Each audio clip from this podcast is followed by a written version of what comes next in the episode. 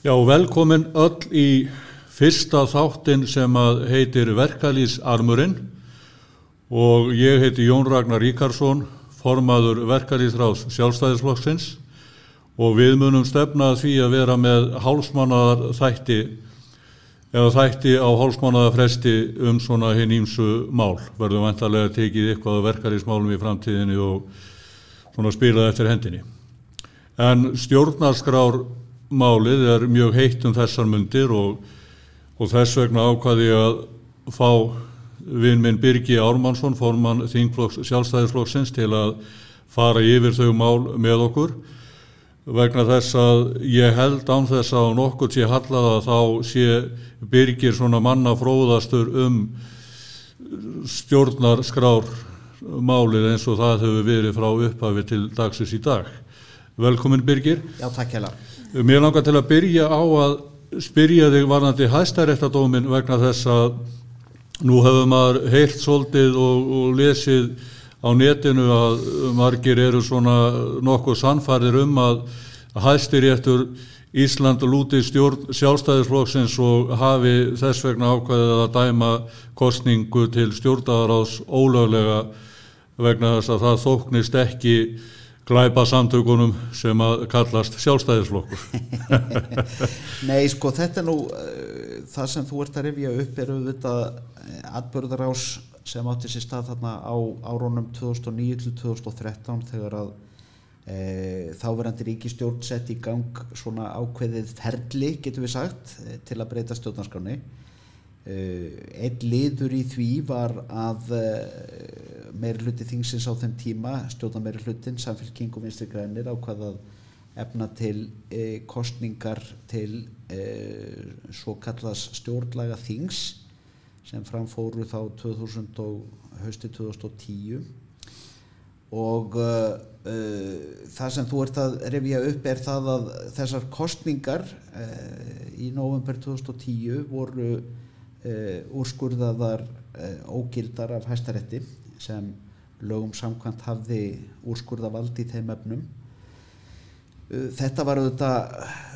tölvert sögulegt á sínum tíma vegna þess að það er ekki algengt að kostningar séu ógildar hér á landi. Það eru dæmi um það í sveitastjórnarkostningum að það hafi komið upp svona tilving en hins vegar, hins vegar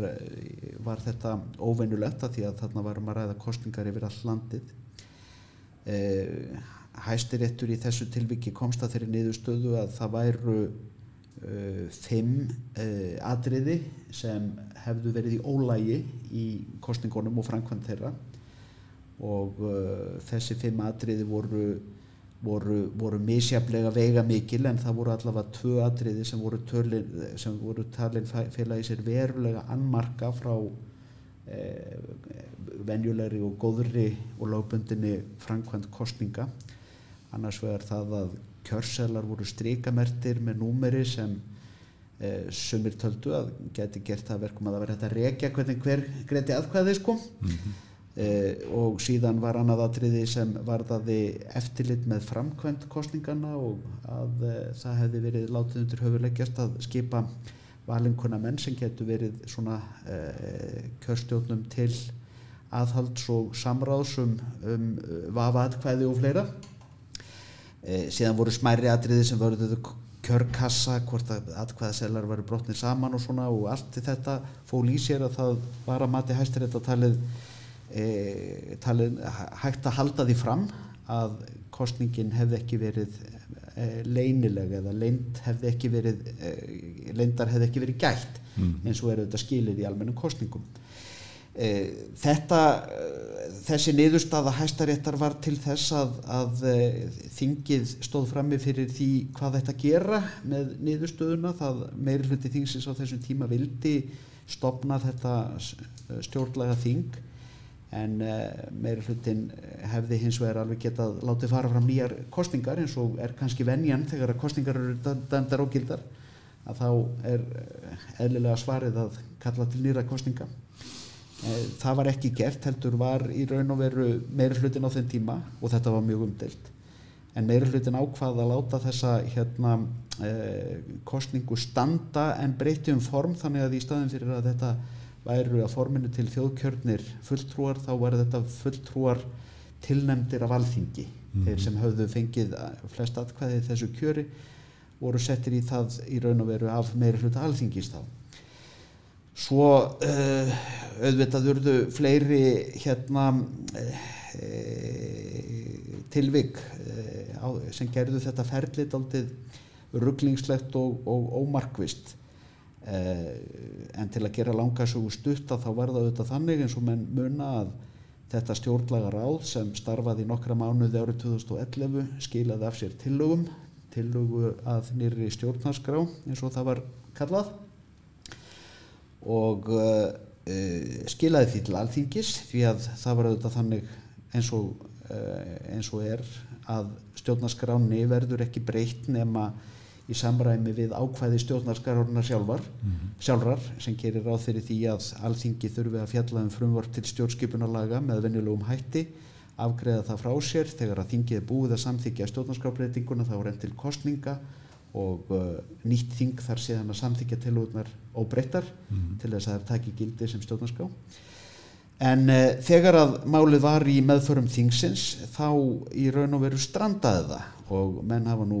deilt um það hvað gerðist þarna veturinn 2012 til 2013 þegar að uh, þessum ferli eða þessum þessari atbúrðar ás laug á sínum tíma það var auðvitað rétt að máli var mjög umdelt í þinginu og við sem vorum í stjórnaranstöðu á þeim tíma, þingmenn framsóknarflóks og sjálfstæðarflóks við börðumst hart gegn þessum breytingum að því að við töldum þær óráðlegar mm -hmm. en það var auðvitað fleira sem kom til það voru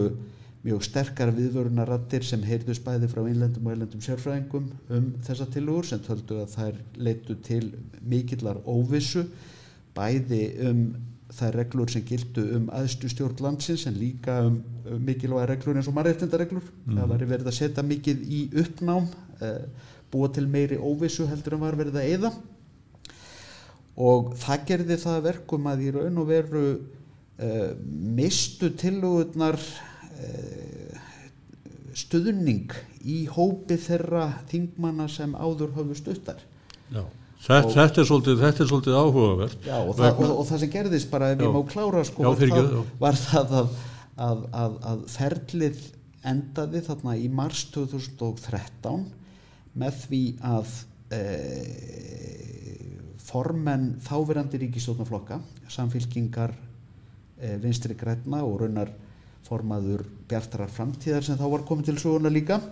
lögðu fram tillögu um að hverfa í raun og veru frá ferlinu sem hafi verið ákveðið í upphafi þessa kjörtimabils mm -hmm. 2009-10 og uh, fara frekar í afmarkaðar breytingar á kjörtimabilinu sem uh, átt að hefjast á síðar árið 2013 þetta var til að sem Katri Jakobsdóttir, Átni Páll Átnarsson og Guðmundur Stengrimsson lögðu fram og hún var samþygt og þar með í raun og veru endaði þetta stjórnlagaráðsferli e, með ákvörðun meira hluta þingsins. Svo hafa menn auðvitað verið að draga upp þessar tilúr að því að tilúrnar auðvitað eru enþá til þó að hérna, ferlið sem var í gangi á þessum tíma hafi endað. En e, menn hafa verið að draga þessar tilúr fram og, og lagt þar fram á alþingi. Píratar og samfylking hafa verið að leggja þetta fram á þessu kjörtímabili og meðal annars e, er til umræðu í þinginu þessa dagana e, frumvarp sem byggir á til um stjórnlagaráðs og byggir á því eh, hvernig eh, frumvarpið í raun og veru leit út eftir að vera búið að fara í gegnum nokkrar umferðir í þinginu þarna veturinn 2012 til 2013 og mönnum er að sjálfsögðu heimilt að koma með þessar tilúr og, og bera þær fram á þingi og uh, leitast við að fá stuðning við þær þar. Mm -hmm. en þær hins vegar hafa ekki meira gildi í raun og veru heldur en hverjar aðrar tilúr að breytingum á stjórnarskrá Eh, hvort sem er eiga rætur sínar að rekja til þessara vinnu sem átti sér stað 2009 til 2013 eða vinnu sem átti sér stað 2013 til 2016 eða eldri tillagna um þessi mm -hmm. efni mm -hmm. þetta eru tilugur og það eru bara að fá sömu meðhundlun og aðrar og það er ekki hægt að líta svo á að, að e, þessar tilugur frá 2009 til 2013 séu með einhverjum hætti réttherri heldur en aðrar tilugur að breytingum að stjórnarskrá sem eru eða hafa verið til meðferðar í þinginu. Já, það er nefnilega það sem að mér langar kannski aðeins til að koma inn á sko eins og ég skil þetta sem hérna já, ómentaður sjómaður að, að ég er náttúrulega ekki lögfræði mentaður en þegar að maður les fyrir málsins frá því að frumvarpið um stofnun stjórnlega þings var framkvæmt að þá var talað um ráðgefandi stjórnlega þing sem að þýðir að sko uh, þetta fyrir mér að þá er þetta bara svona ráðgjafa hópur í eðli sínu sem að var valinn til að koma með hugmyndir að nýri stjórnarskrá. Og þess vegna hefur mér fundist öll þessi umræða uh, snúast um raunverulega blekkingar, ég ætla nú bara að segja það hreint út vegna þess að, að það koma sem sagt hérna, ábyrrandi einstaklingar í fjölmil og haldaði fram að það sé búið að svíkja þjóðina um nýju stjórnarskrána sem er ekkit annað heldur en bara hugmyndir að nýri stjórnarskrá skrifuð af ráðgjafa nefnd og hérna og verða að tala um að þingmönnum beri skilda til að samþykja þessar tilugur og það finnst mér svolítið alvarlegt mál að þeir sem vilja taka sig alvarlega í umræðinni og berjast fyrir sínum málöfnum sem er alveg sjálfsagt og öðrulegt vegna þess að mörgum einfallega finnst bara nöðsilegt að fá þessar stjórnarskrái sjálfu sér eða þessar tilugur sem stjórnarskrái sjálfu sér ekkert við það aðtöfa en fólk þarf alltaf að hafa sannleikana leiðaljósi og það er ekki sannleikur í því fólkin að þinginu beri skilda til að samþykja þetta einfallega vegna þess að þarna er raunverulega verið að hvetja þingmenn til að brjóta núgildandi stjórnarskrá. Og ég get ekki séð að það sé sem sagt gott fordæmi inn í framtíðina að hvetja raunverulega til lögbróts. Hvað segir um það? Í stuttumáli þá er staðan auðvitað svo að stjórnarskráni verður ekki breytt nema eftir reglum stjórnarskrána sjálfar mm -hmm. eins og ég sagði aðan með, með því að þingið samþyggi tilugur til stjórnarskrábreytinga þessi búið til almenna kostninga og nýtt þing samþyggi tilugurnar óbreyttara nýju. Mm -hmm. Þannig gerist þetta. Þingið auðvitað getur farið alls konar leiðir til þess að afla sér upplýsinga um vilja fólks í samfélaginu eða leita eftir tillögum eða annað þess áttar og uh, það var auðvitað gert með ákveðnum hætti þarna 2009 til 2013 en það er alveg rétt sem þú segir að það bindur ekki hendur eins eða neins. Mm -hmm. Uh, þarna varum að ræða uh, stjórnlaga ráð sem bæði formlega og efnislega hafði bara ráðgjafa hlutverk eins og þú réttilega nefnir mm -hmm. e, síðar í ferlinu var síðan ákveðið að efna til ráðgefandi þjóðratkvæðgreðslu sem eðli málsins samkvæmt er annað heldur en bindandi þjóðratkvæðgreðsla mm -hmm. e, það er ekki tilviljun að sumar ratkvæðgreðslur eru bindandi og aðra ráðgefandi mm -hmm. E, og þar að auki eh, hafði þessi þjóðaratkvæðagreðsla eh, 20. oktober 2012 ákveðina annmarka að því leiti að hún fól ekki í sér það, eh, sko, þá stöðu sem venjulegar upp í þjóðaratkvæðagreðslum að fólk stæði frammi fyrir skýrum einföldum kostum. Mm -hmm. Það var ekki um að ræða að það væri lagt á borð plagg og sagt samþykjuru þetta eða hafnar þessu. Mm -hmm. Það var spurt stýður þú að e, tillaga stjórnlagaráðs verði lögð til grundvallar frumvarpi að nýri stjórnarskraf Akkurat. þannig að í því bara í þeirri spurningu sem slíkri fólust mjög margir fyrirvarar mm. e, svo má raunar geta þess líka að, að akkurat á þeim tíma þegar að þessi atkvæðagreysla fór fram var þegar hafinn e, vinna á vegum meiri hluta stjórnskipunar og eftirlisnendar alþingis sem fól í sér að sérfræðingar voru að breyta til um stjórnlagaráðs mm -hmm. þannig að þegar atkvæðagreyslan fór fram þá uh, vissi korki þjóðin nýja þingið hvernig tilóðunar myndur nákvæmlega líta út þegar þær kæmu fyrir augumanna í frumvarsformi Já. þannig að þetta var allt saman í hálfgerðinu gröð en það var það þannig að meiri segja að þeir þingmenn sem uh, stuttu það að fara í þessa ráðgefandi þjóðratkvæðgreðslu 2012 gerur sér grein fyrir því að hún var ekki endapunkturinn í ferlinu Mhm. það var ekki þannig að þar með væri búið að loka málinu eða, eða, eða ganga frá þessu og það kemur skýrt fram í umræðum og, og nefndar álitum frá þessum tíma að að eh, jafnvel þeir þingmenn sem sko stuttu það að fara í þessa ráðgefandi þjóðratkvæðgreðslu sem ekki voru allir. Það var uh, þá var endi meiri hluti stóðaði en, en minni hluti var á móti. En jafnvel þeir sem stuttu þetta ferli þeir gerur sér grein fyrir því að þetta var ekki endapunkturinn á málinu heldur bara liður í einhverju ferli. Mm ferli sem síðan held áfram eins og ég sagði og endaði þarna voru 2013 þegar að, þegar að í raun og veru sko uh, bensinni var búið á bílnum og, og, og, hérna, og stuðningurinn hafði þorrið jafnvel í hópi þeirra þingmanna sem hafðu eh, borið ábyrð á ferlinu allan tíman það, það voru þingmenn það var þannig að, að eh, innan bæði samfélkingar og vinstri græna voru þannig efasendur um álið að það hefði aldrei verið þetta leiða til lykta eh, á þinginu eh, jafnvel þó að sko, við sem þá vorum í stjórnaranstöðu hefðum hérna lagt upp löpana og, og, og, og hérna hætt að berjast á mótið því sko. Já, þetta, þetta er nefnilega áhugaverðu punktur vegna þess að það er nú alltaf verið að skamba okkur sjálfstæðismenn fyrir allt mögulegt og ómögulegt reynda líka. Já, já. Sko, á þessum tíma, ef að ríkistjórnir sem að klárlega hafði meiri hluta á þingi og stuðning hreyfingarinnar hefði viljað sem sagt samþykja þessar tillögur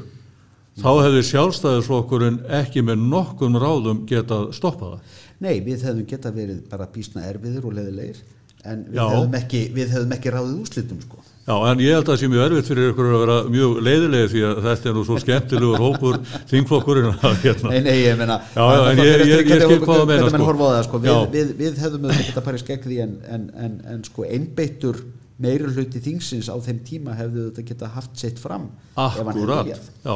sem að segir okkur að flest sem að maður lesa á netinu um þetta stjórnarskrármál er bara vittleisa og það sem að ég velti fyrir mér sko, ég fer kannski öllítið út fyrir efnið, sko er þetta bara leti í þessum hérna fylgjendum tillagnana að nenni ekki að fara rétta leiðir sko, málið er það að hérna, ég tala nú bara eins og tógaramaður enda maður búin að vera á sjó í 40 ár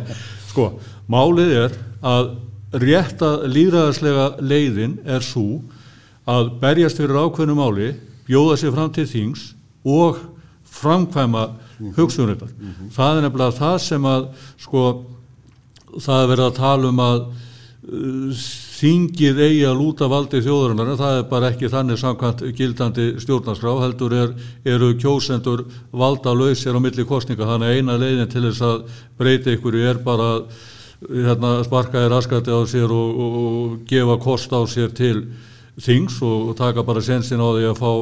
fá kostningu en hvað segir þú um þessi orð sem ég er svolítið erfitt með að skilja að þjóðin er stjórnarskrár gjafin þegar að stjórnarskráin sjálf segir að sem sagt það sé eingöngu verkefni þingmanna samkvæmt sinni sannfæringu að breyta ákvæðum í stjórnarskrá og skrifa nýja stjórnarskrá ef að þörf er talin til. Sko, ég held að þetta þurfi ekki að fylgja í sér mótsögn. Það er að segja, ég held að við getum litið svo á að e, þegar að allt kemur til alls er þjóðin e, stjórnarskrár gjafin, hins vegar mælir e, stjórnarskráin sjálf fyrir um það að þingmenn í umbóði þjóðarinnar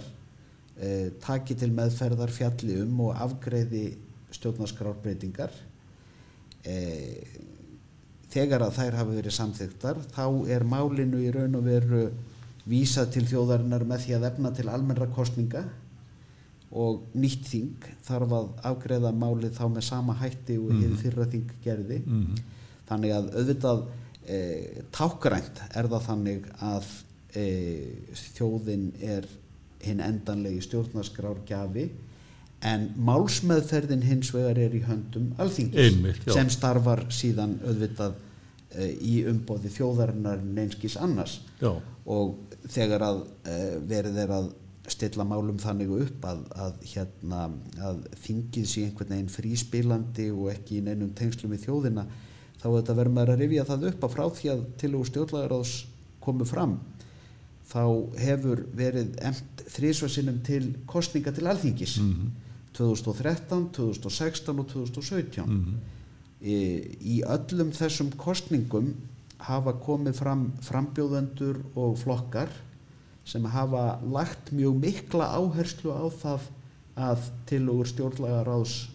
verði gerðar að uh, nýri stjórnarská mhm, uh, það hefur verið bæði stopnaði sérstakir flokkar utanum þann málstað og frambjóðendur á vegum annara flokka uh, hafa lagt mjög mikið kapp á þetta mál. Þessir flokkar og frambjóðendur hafa ekkert hlotin eitt rosalega mikinn framgang í þessum kostningum og það hefur í raun og veru aldrei verið meiri hluti á þinginu þrátt fyrir að málinu hafi með vissum hætti verið vísa til þjóðarinnar í, í þrennum alþingiskostningum að þá hefur aldrei þá, þá hefur allavega ekki verið þannig sko brennandi áhugi meðal þjóðarinnar á því að knýja fram þessa nýju stjórnarská að það hafi ráðið atkvæðum hana í kostningunum já, og hérna og, og, og ég menna við sem sko, ég menna ég hef verið í þeirri stöðu í öllum þessum kostningum að vera frambjóðandi sem hef lagt til aðra og miklu uh, hófsamari og íhaldsamari leið til þess að breyta stjórnarskráni mhm, og uh, kjósendur mínir og sjálfstæðarflokksins hafa auðvitað vitað að, eh, að, að við stæðum fyrir allt aðra leið og þeir hafa kosið okkur Mhm. og þeir hafa kosið aðra flokka sem hafa verið á svipaðri línu við. Já, já, þannig að, þannig að, að talandi um það að þarna sé með einhverjum hætti sko eh, tókstreita eða andstaða milli sko einhvers meints þjóðarvilja og síðan meints vilja alþingis það er ekki, það gengur ekki alveg upp í raunveruleganum sko. Nei, nei, nei, og svo get ég líka sagt varðandi þessa ráðgefandi þjóðaratkvæðagreyslu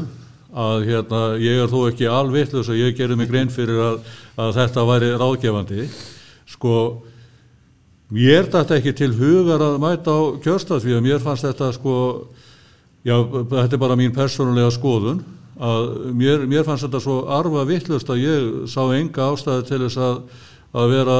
að kjósa um þetta. Ég hafði miklu hérna skemmtilega að gera við þennan litla tíma sem ég hef í landi heldur en að standa í rauða okkur um kjörstað sko nú er það þannig og, og það er kannski ágætt aðeins að koma inn á það þó að tengis kannski ekki beint stjórnarskráni þetta Newspeak sem að George Orwell fann upp á sínu tíma sko mér finnst þeir sem að berjast hvað harðast fyrir þessum tillögum sem er bara þeirra líðræðislegur réttur og ég ger einhver aðtúðasendur við það sko að halda þið fram að við íhalsmenn séum hrættir við breytingar á stjórnarskrá, hrættir við nýja stjórnarskrá, þá get ég alveg sagt ef ég fer út að borða með einhverjum og, og, bendunum á að fá sér fisk að því ég er svo mikið fyrir fisk og viðkomandi segir hérna, nei, ég, ég vil nú miklu frekar borða kjöt og þá bara segir ég, hvað, ertu hrættuð við fisk? Sko, þetta stýst fyrst og fremst um fisk og ef við erum alveg heiðalegir þá getum við ekki, sko, raunverulega sett upp eitthvað mótel sem að sýnir hvað gerist ef ný stjórnarskrá verður samþygt, það eru svo miklir óessu þættir, en það sem að ég bara spyr mig að, sko, var ykkur ástæða til að fara í þessa vegferð, er fjöldi manns að verða fyrir mannréttinda brotum á Íslandi, hafa fulltrúar eh, nýju tillagnana komið með mörg dæmi þess að ykkur hafi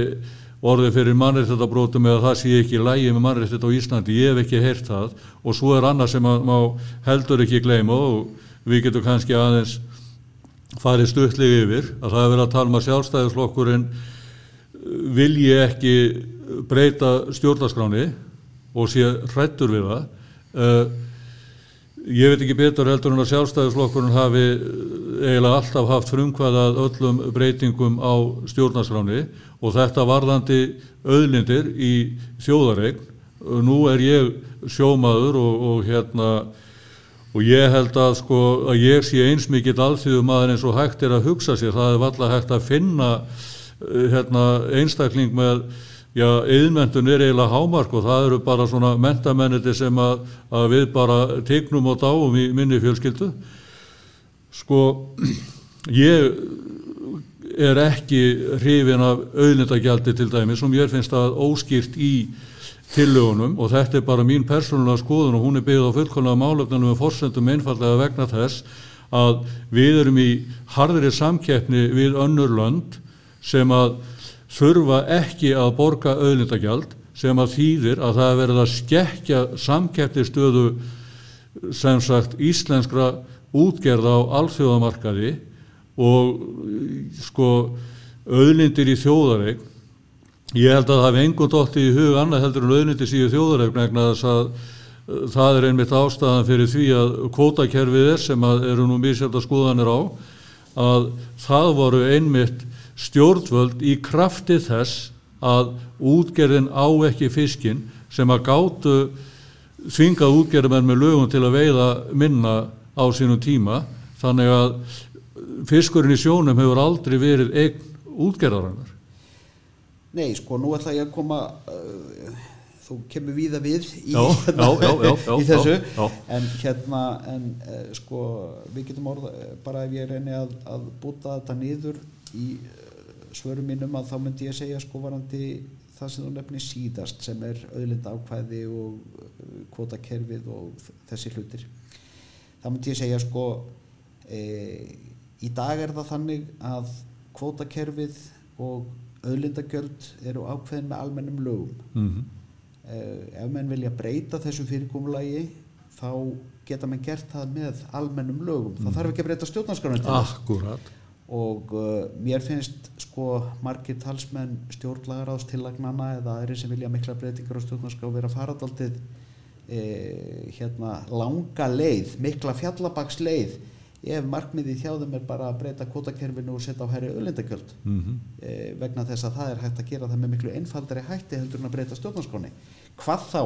að það þurfi að breyta allri stjórnarskráni þó að menn bæti við einu ákvæða þessu tægi e, þetta er nú eitt. E, annað atriði sem þú komst inn á sem skiptir líka miklu máli er þetta e, hvaða tilefni er til rótækra stjórnarskrábreytinga ég held að flestir sem hafa fjallað um stjórnarskrána á síðustu svona 15-20 árum e, hafi verið sammála um það að það mætti nú gera einhverja breytingar. Mm -hmm. e, það væru atriði þarna sem væri hægt að endurskoða og bæta laga. En svo hafa menn hins vegar verið ósamála um það hvort að það þurft að vera mjög viðamikla breytingar eða tilturlega afmarkaða breytingar. Mm og ég og við í þingflokki sjálfstæðismanna við höfum verið alveg sjálf, sjálfum okkur samkvæmir með það e, frá því löngum fyrir hrun að við værum tilbúinir til þess að fara í ákveðnar afmarkaðar breytingar sem væru vel ígrundaðar og gerðar í sem viðtækastri sátt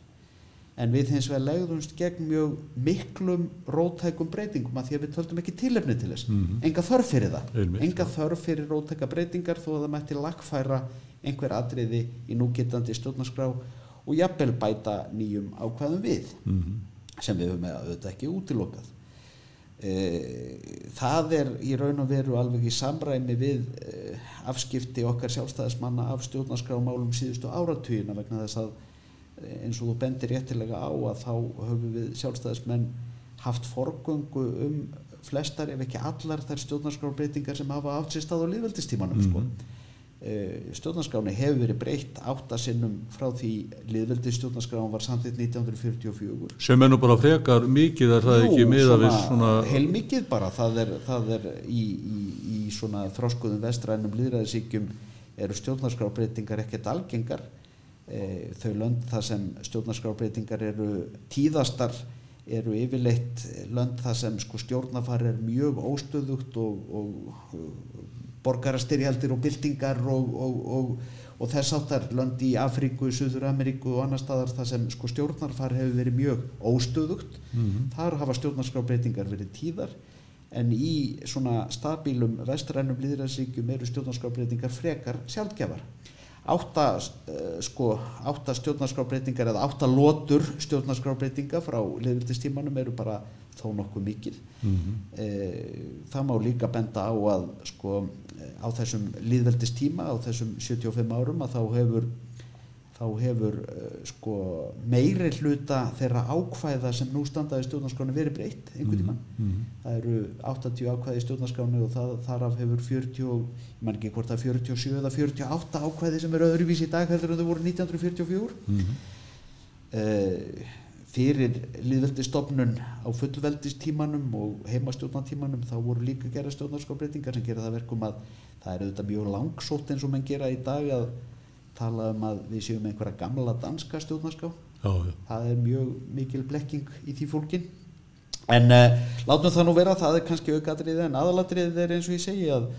að við höfum verið tilbúinir í svona uh, skinsamlegar vel ígrundaðar breytingar uh, helst hann að um þær væri sem viðtækust sátt. Mm -hmm.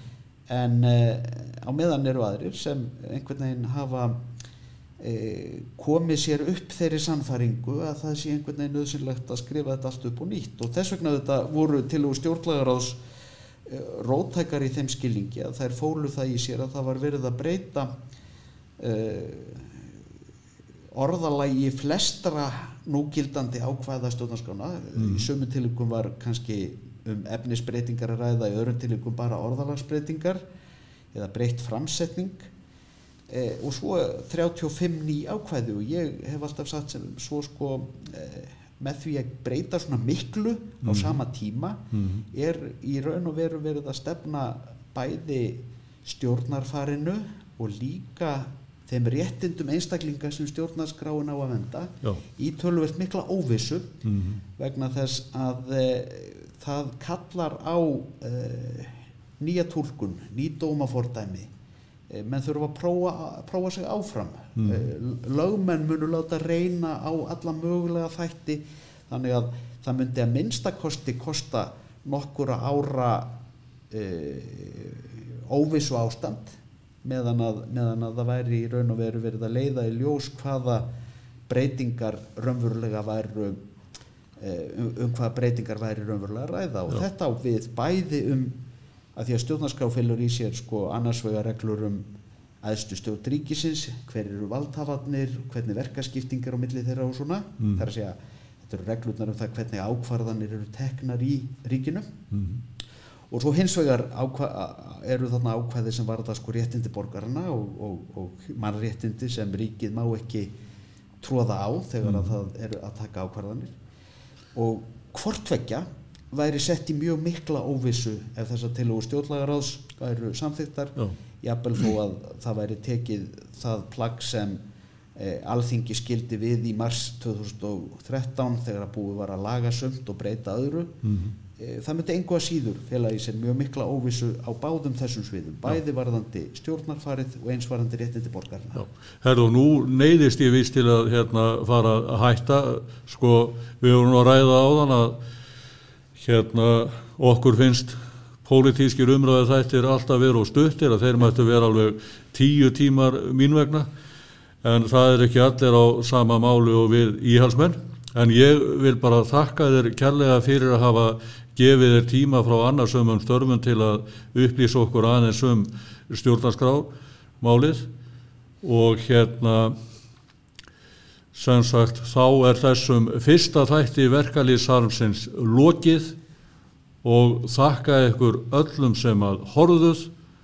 og að hætti sannkristina íhalsmann að segja röldið á Guðs vegum elskurnar. Takk kjærlega fyrir mig. Takk.